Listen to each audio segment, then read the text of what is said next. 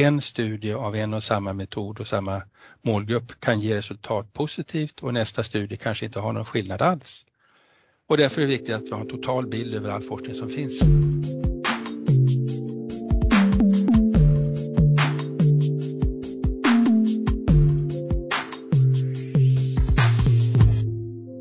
Hej och välkommen till det 60 avsnittet av FoU-podden. I det här avsnittet kommer vi att prata om evidens och evidensbaserade metoder. Jag som gör podden heter Lena Stenbrink och med i den här podden som vi spelar in via Teams har vi eh, FoU-chefen Marina Arkukangas och Knut Sundell som är expert på området evidens. Varmt välkomna! Tack! Tack! Och vi börjar som vanligt med att ni får presentera er lite mer ordentligt än vad jag gjorde. Ja, Knut Sundell heter jag då som sagt var och jag arbetar på Statens beredning för medicinsk och social utvärdering eller som vi brukar säga SBU. Det gör jag sedan 2015. Och före det så var jag på Socialstyrelsen i drygt åtta år och ansvarade för framförallt då forskning och utveckling som Socialstyrelsen fick uppdrag från departementet. Och före det så var jag forskningsledare nästan 17 år på Stockholms FoU-enhet där jag hade inriktning mot ja, socialtjänst då. Och man kan väl säga att jag arbetar med frågor om evidens och evidensbaserad praktik sedan 15-20 år tillbaka eller någonting sånt. Och akademiskt så är jag docent i psykologi. Men jag har inte jobbat på universitetet sedan 1989, så det är många år sedan. Ja, och eh, jag heter Marina Arkukangas och och som Lena sa chef här på FoU Sörmland sedan nu två och ett halvt år tillbaka. Innan dess så jobbade jag här på FoU Sörmland som forskningsledare och jag disputerade 2017 så jag är doktor i vårdvetenskap med inriktning området äldre och framförallt fallprevention som jag har hållit på mycket med och just det här med evidens och evidensbaserade metoder ligger mig väldigt varmt om hjärtat och jag tycker att det ska bli jättespännande med den här podden och få diskutera det lite mer tillsammans med Knut. Jag tycker också det ska bli intressant att höra det här verkligen. Men vad är nu det här? Vad betyder att en metod är evidensbaserad? Kan ni berätta lite om det först till att börja med?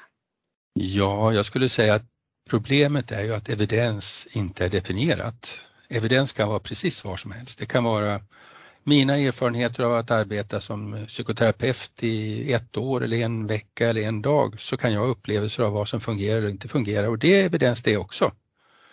Men det är klart, den viktiga frågan här är ju någon slags avgränsning som handlar om säkerhet i bedömningar. Så enligt SBU då som ju arbetar med att sammanställa kunskap och göra någon slags värdering av dess tillförlitlighet så är det ju en, det förutsätter en systematisk översikt där man har gått igenom all forskning som finns så att man är säker på att resultaten som man sen gör en slutsats kring verkligen är det bästa möjliga kunskapen idag. För eh, det som är lite grann ett problem när vi pratar om forskning och evidens det är ju att en studie av en och samma metod och samma målgrupp kan ge resultat positivt och nästa studie kanske inte har någon skillnad alls. Och därför är det viktigt att vi har en total bild över all forskning som finns. Så SBU har ganska höga krav alltså kan man säga. Marina, vill du lägga till något kanske? Ja, men precis som Knut säger att evidens kan ju vara så mycket och eh, det är ju därför också som vi pratar om en evidensbaserad praktik i, i det här sammanhanget där man väver in olika aspekter i det evidensbaserade arbetet. Jag tänker du Knut som har jobbat med det här med evidensbaserad praktik, hur skulle du vilja eh, evidensens roll i evidensbaserad praktik? För det är mm. mycket som vi ofta diskuterar och med verksamheter att ja men vad är det man ska, för evidensbaserad praktik det väver ju in både individens eh, behov och önskemål och så har vi den professionella och sen så har vi då den här delen som är bästa tillgängliga kunskap. Evidens i det sammanhanget, det kan vara en mm. utmaning tycker jag ofta.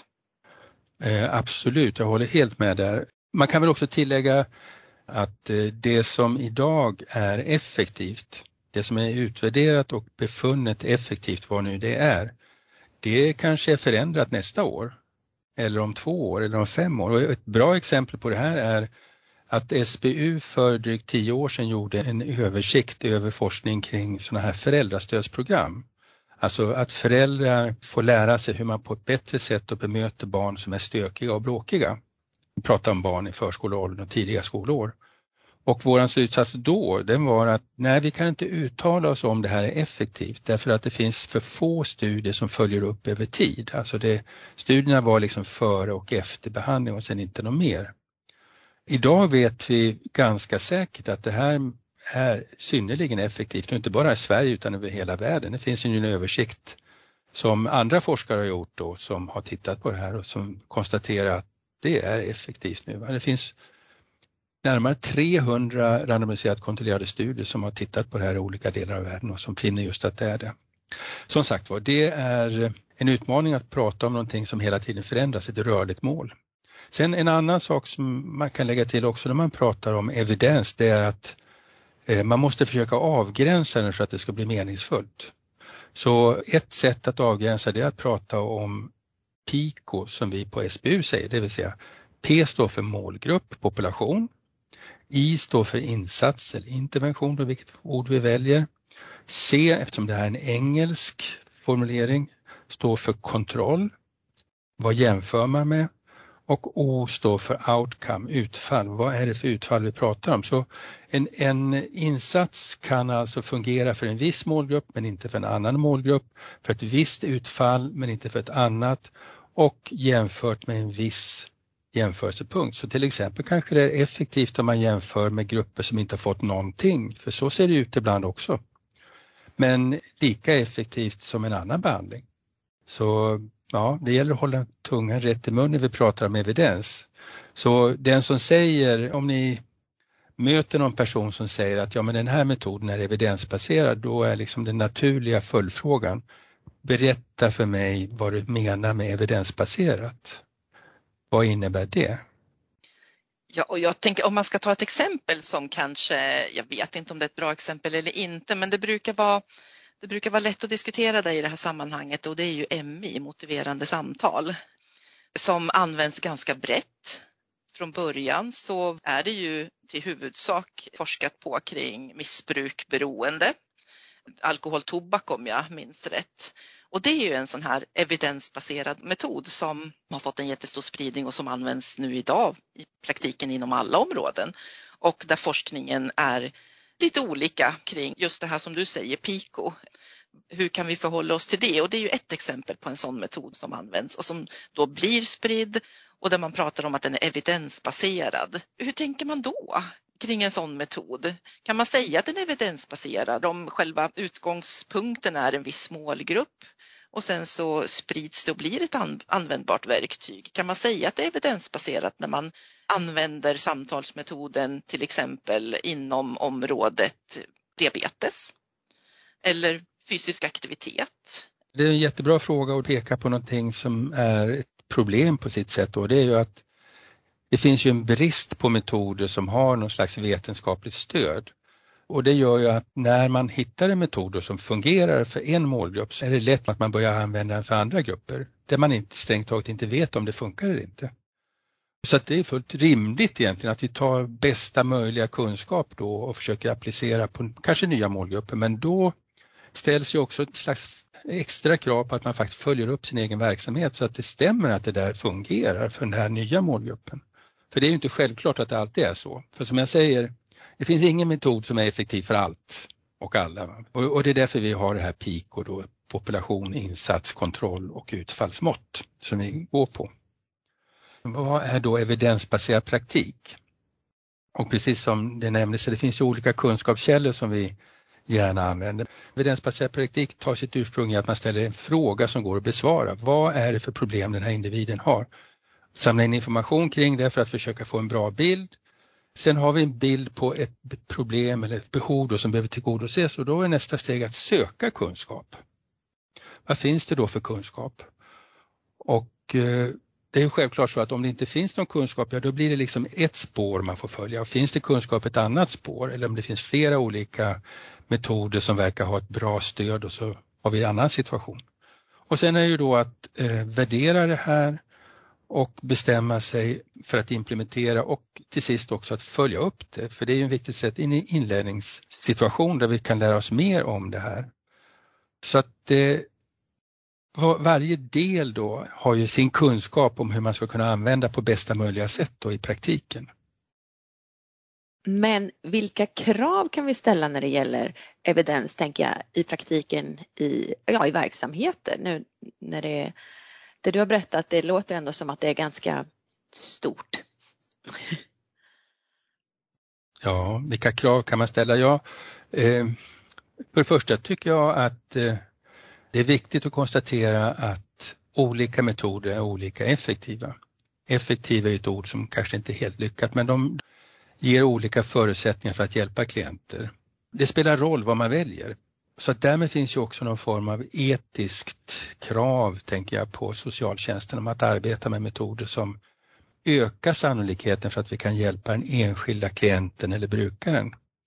Ett bra exempel på det här det är ju arbetet mot kriminalitet, att unga och vuxna då återfaller i kriminalitet. Där det finns en översikt som har tittat på ett hundratal olika insatser och konstaterar att de allra flesta har ingen effekt. 64 procent spelar ingen roll om man använder dem eller inte, det blev inte bättre eller sämre.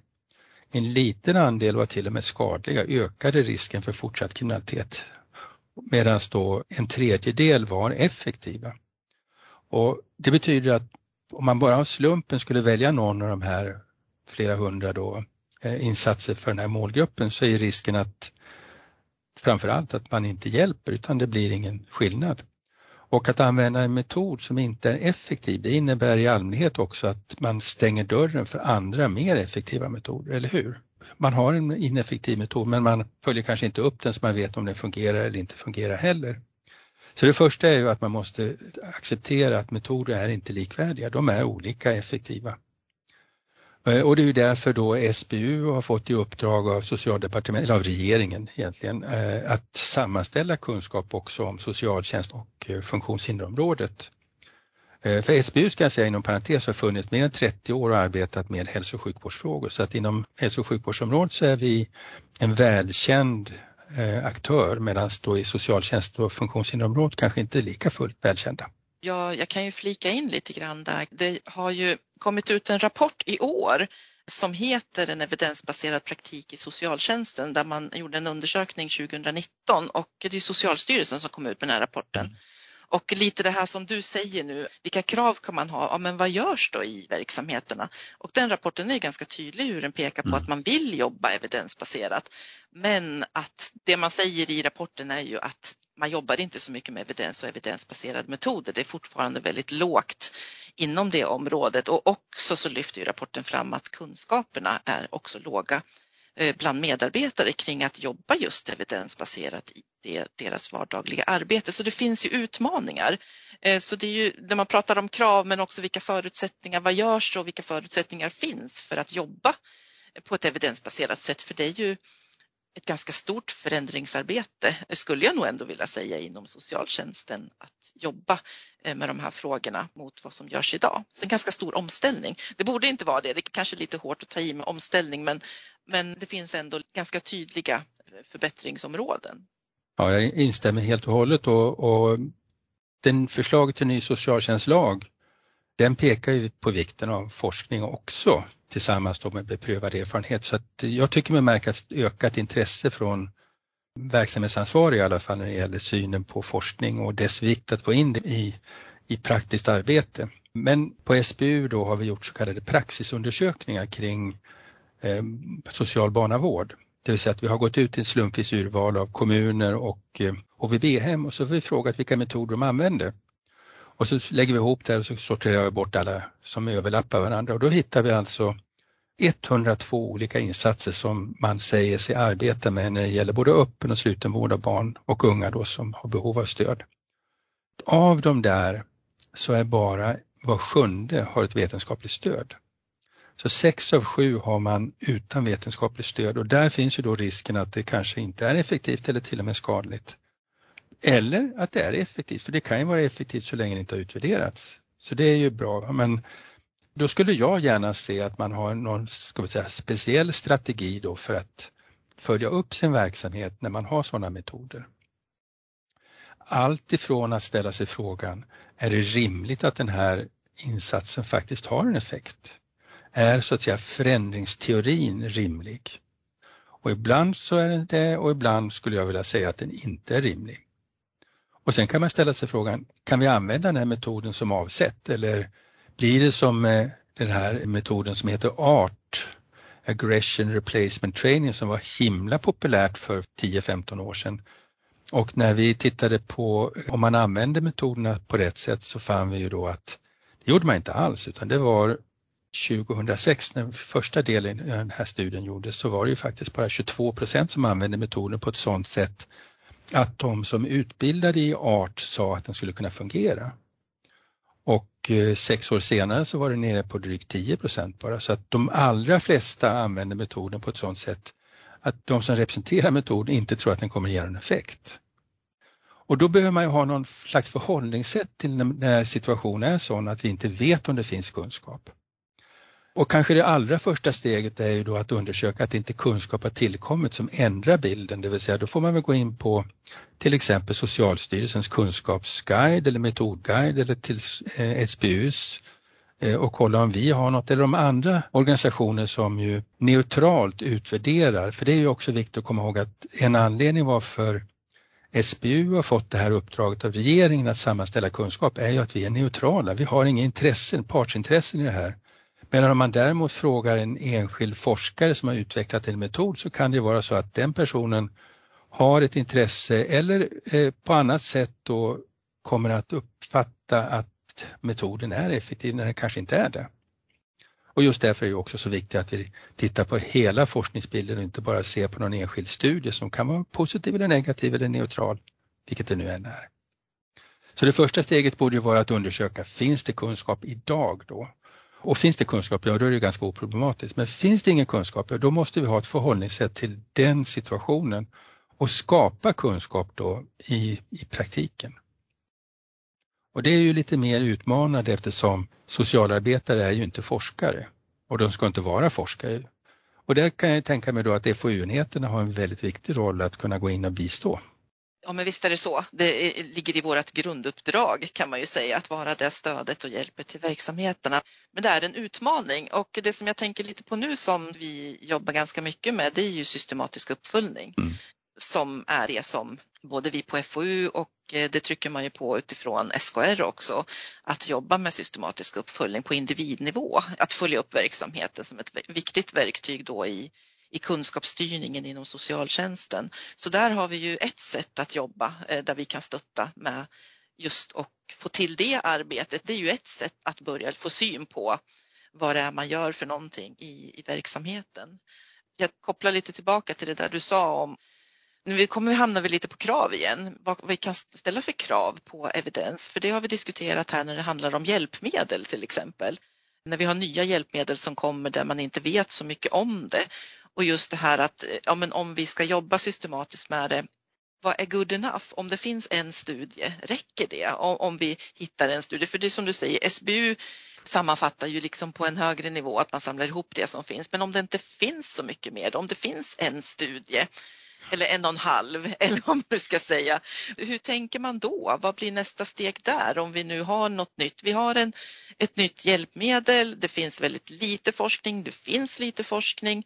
Var ska vi dra gränserna? Vad behöver vi göra då? Vad är nästa steg? Har du någon, någon tanke kring det, hur man ska tänka? När det finns lite grann, men det kanske inte riktigt är tillräckligt om man Nej. tänker på utifrån hur SBU tänker, men, men man ska inte ha en antingen eller syn på evidens utan det är ju en gradskillnad. Om man tänker sig en pil från vänster till höger så i ena änden har vi låg kunskap om vilka effekter det har. Men vi har också parallellt då större risk att orsaka skada. Och sen den andra ändpunkten då, då har vi en större kunskap om dess effekter och en lägre risk att orsaka skada rimligen då. Så frågan är vilken kunskap kan vi få då? För det är ju inte så ofta som vi har en säker kunskap, alltså längst till ena änden av pilen. Men det finns ju en del. Vi har till exempel väldigt bra kunskap om det här stöd och hjälp till personer med psykiskt funktionshinder som heter IPS och eh, där allting talar för att det fungerar väldigt bra jämfört med traditionellt arbete. Och eller MTFC, en av ytterligare dessa förkortningar då, behandlingsfamilj även kallat, verkar också vara mycket bättre än att jämföra med att placera ungdomar med, som är allvarlig beteendeproblematik på institution.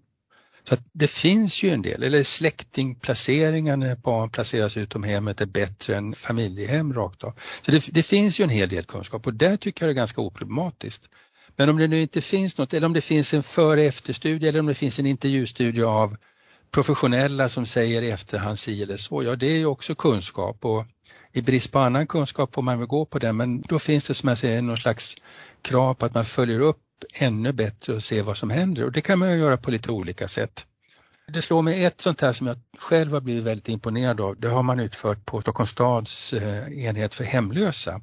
Och där fann man att en del av de här hemlösa som hade fått då en bostad, ni vet bostad först, va? det är bättre liksom att ge en bostad först och sen stötta istället för att kräva att folk ska sluta missbruka eller, eller bli psykiskt friska innan de ska få ett kontrakt.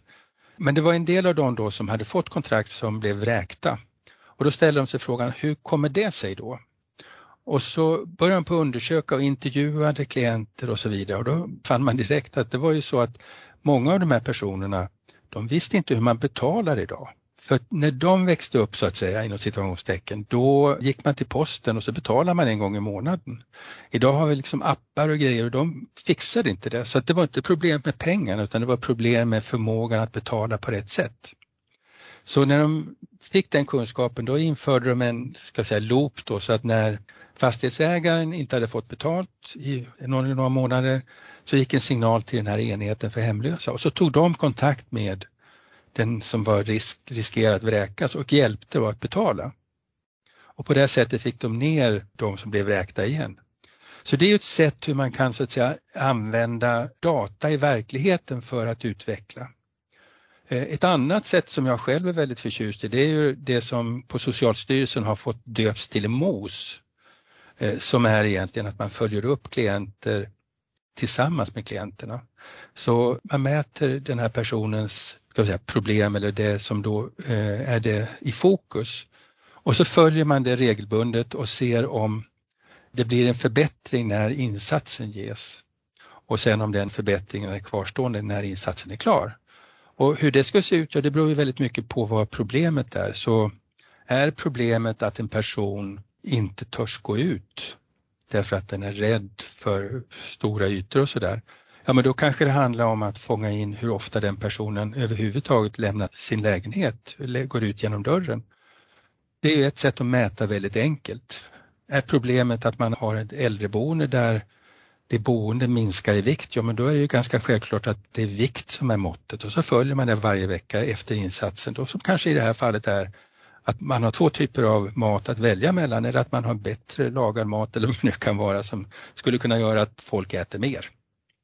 Så det beror lite grann på, men det viktiga är att man använder verkligheten och kunskapen i verkligheten. Men hur vet man då vilka behov en verksamhet har? Ja, den frågan är ju, beror ju liksom på vad man talar om. Är det ekonomi, är det eh, bättre utredningar, är det eh, mer lämpliga insatser eller vad det nu är frågan om. Och själv skulle jag vilja fokusera på själva det första steget i en evidensbaserad praktik, det vill säga att ställa rätt fråga. Att utreda vilka behov som finns, för det är ju det som blir startpunkten sen för att söka efter kunskap, evidens och att sen då liksom implementera och följa upp.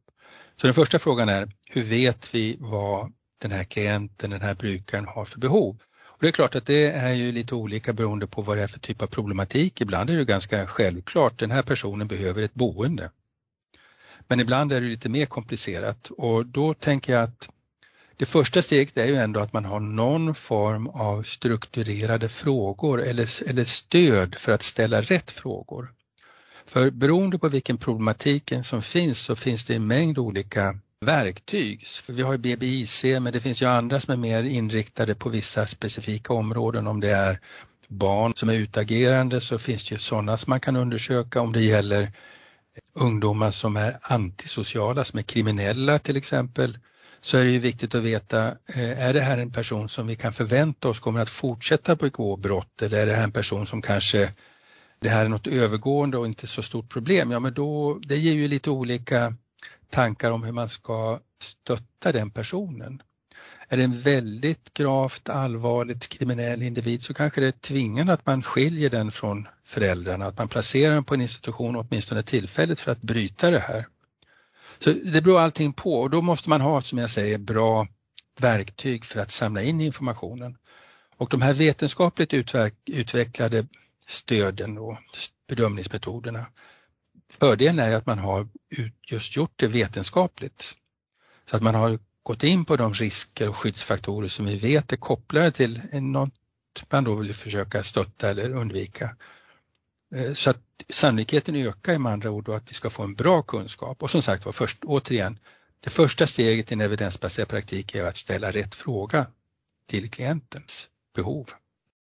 Ja, jag håller med dig absolut i allt det du säger och jag tänker också att man kan lyfta den nivå också för ibland kan det ju vara så att man måste ta sig en funderare varför är det viktigt att jobba på ett effektivt sätt med effektiva metoder för vi har ju utmaningar. Jag tänker som i Sörmland så har vi ju utmaningarna med barn och unga som mår väldigt dåligt hur kan vi jobba med det på ett bra sätt och faktiskt använda oss av insatser och metoder som vi faktiskt vet är effektiva. För det är ju så vi kan komma framåt och, vända den här trenden, så vill vi väl tänka i alla fall, att om vi jobbar med bra saker, med bra verktyg och metoder så kan vi på något sätt vända hur det ser ut utifrån det området. Och tittar man sen på utmaningarna som vi har med den demografiska utvecklingen. Vi har ju äldreområdet som kommer att växa och bli ett jättestort där vi behöver jobba på ett annat sätt i framtiden, använda oss av mer effektiva metoder som man behöver eh, när man åldras eftersom man också blir äldre och äldre idag. Det handlar ju också om att titta lite uppifrån med helikopterperspektivet, att varför behöver vi göra det här? Och sen går vi ner i verksamheten, vad kan vi göra? Hur jobbar vi här? Och identifiera, jobbar vi på bästa sätt med de allra bästa metoder som finns? Och det är ju också ett ganska stort arbete för det går ju också väldigt fort. Eh, saker händer. Hur ska man hinna med och ta reda på allting och eh, vad har man för möjligheter att att faktiskt få kunskap om hur man ska jobba. Det är väl också en aspekt i det här. Så det, är på olika nivåer är ju det här evidensbaserade arbetet men att jag tycker också i och med den här podden och önskan om att faktiskt få diskutera det här att men vi måste lägga lite krut på det här arbetet helt enkelt. Och hur kan vi göra det på ett bra sätt? Hur kan vi få till det här och vända det här och, och få det här att bli en viktig del i det arbetet som vi gör? Det här var en reflektion bara när jag sitter mm. och funderar på allt som vi säger. Och det finns ju vägar att gå, sätt att göra det på, men det gäller att få till det här. Men hur, mm. hur börjar man då? Hur får man till det här arbetet? Det är ju så stort. Jag, jag tänker att det första som man måste acceptera det här är en ledningsfråga.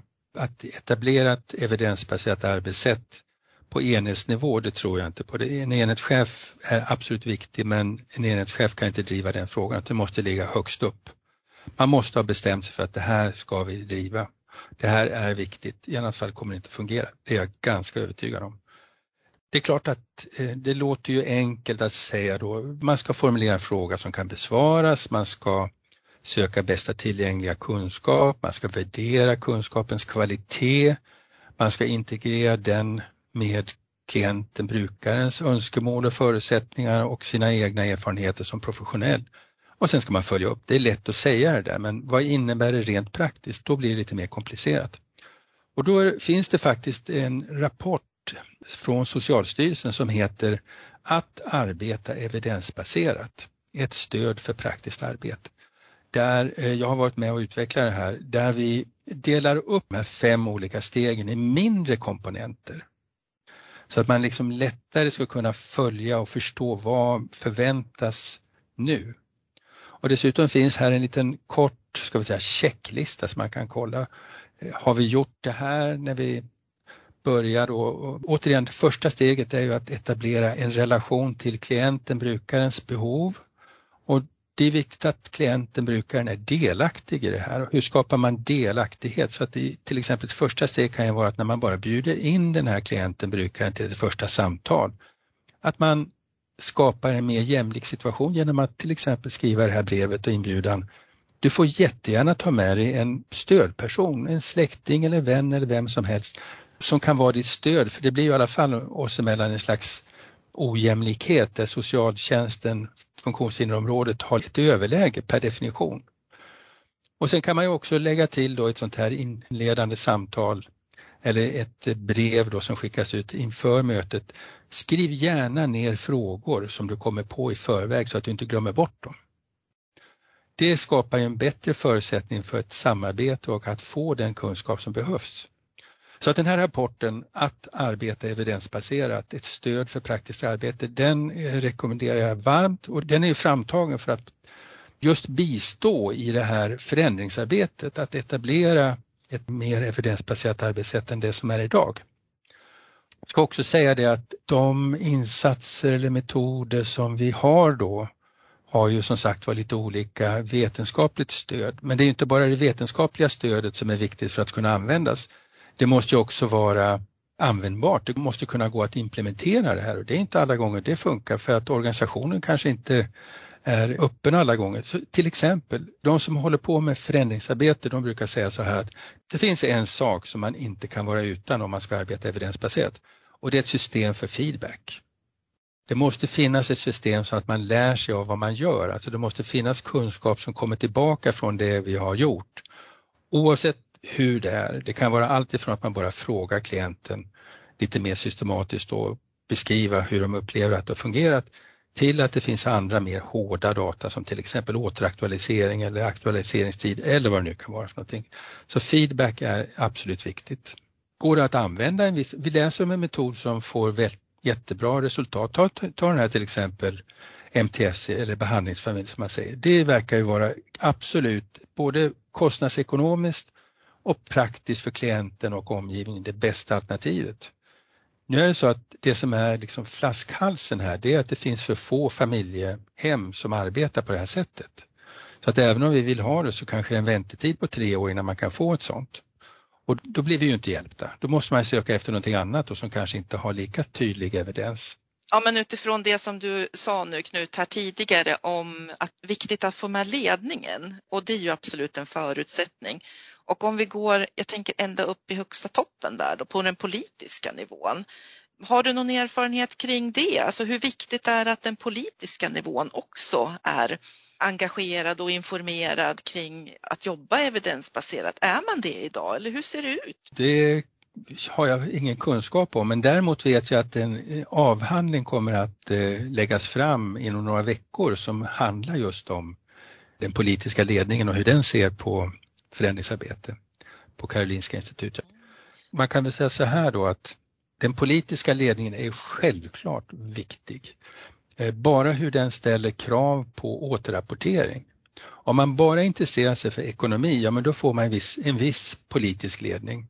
Om man istället börjar på ställa krav på att få återrapporterat om hur delaktiga klienterna är i beslutsfattandet och så vidare, ja men då får man en annan typ av information som kanske fungerar bättre för att göra informerade val om utveckling. Så den politiska ledningen måste vara viktig. Nu har vi pratat lite om hur man går tillväga för att ta reda på om det finns evidens för en specifik metod och så. Men om man behöver hjälp. Vi nämnde lite FoU i Sörmland och hur är det med SBU? Vad kan man få hjälp? Vem kan man få hjälp av? Ja, om vi tänker SBU och lite längre sikt så finns ju alltid möjlighet att man ställer frågor till eller ber om att SBU ska eh, sammanställa kunskap om en speciell metod. Som ni förstår, det, det finns ju inte ett jättestort utrymme för det men man kan alltid liksom höra av sig till oss med förslag.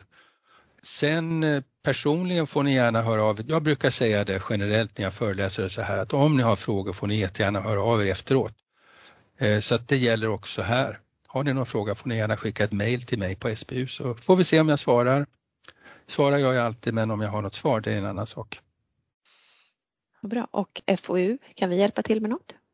Ja men absolut, det är klart att vi kan. Jag tänker att vi är ju den närmsta kontakten kanske att eh, vända sig till och vi har ju utvecklingsledare och forskningsledare som jobbar inom de olika områdena gentemot de verksamhetsområden som vi har då med socialtjänsten och angränsande hälso och sjukvård. Så hit kan man också vända sig och vi kan ju också vända oss till SBU tänker jag när vi får in flera förfrågningar inom ett område så att man också kan, man kan kanske till och med göra någonting tillsammans eller hjälpas åt i en, en specifik fråga. Så, så vi finns ju här på FoU kring de här frågorna kring evidens. Ja precis och jag förtydligar att det är ju frågor kring evidens som SBU framförallt kan vara stöd. Det vill säga finns det något vetenskapligt stöd för den här metoden eller de här metoderna? Det är ju vårt uppdrag som sagt var. Ja, och frågorna kan ju vara på olika nivåer. Det kan ju vara att man vill få hjälp att leta kunskap eh, men mm. också hantera kunskap och implementera mm. kunskap. Så det är mm. ju olika delar men till FoU kan man höra av sig i alla de olika delarna och få hjälp mm. och stöd i arbetet.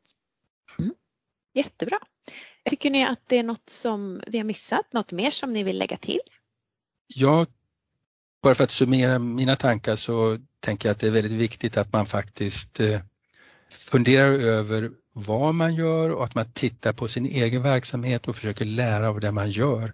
För trots allt, det finns evidens, det finns säkrare kunskap om vilka effekter olika metoder har. Men de allra flesta metoderna är inte utvärderade på ett sådant sätt att vi faktiskt vet det. Så det måste finnas en strategi för att lära av sin egen verksamhet. Ja men toppen. Då får jag tacka så jättemycket för att ni var med i den här podden och delade er kunskap. Tack så mycket. Tack. Och till dig som har lyssnat så vill jag säga tack så jättemycket för att du har lyssnat på det här avsnittet av FoU-podden och hoppas att du även vill höra nästa avsnitt. Ha en toppenfin dag. Hej hej!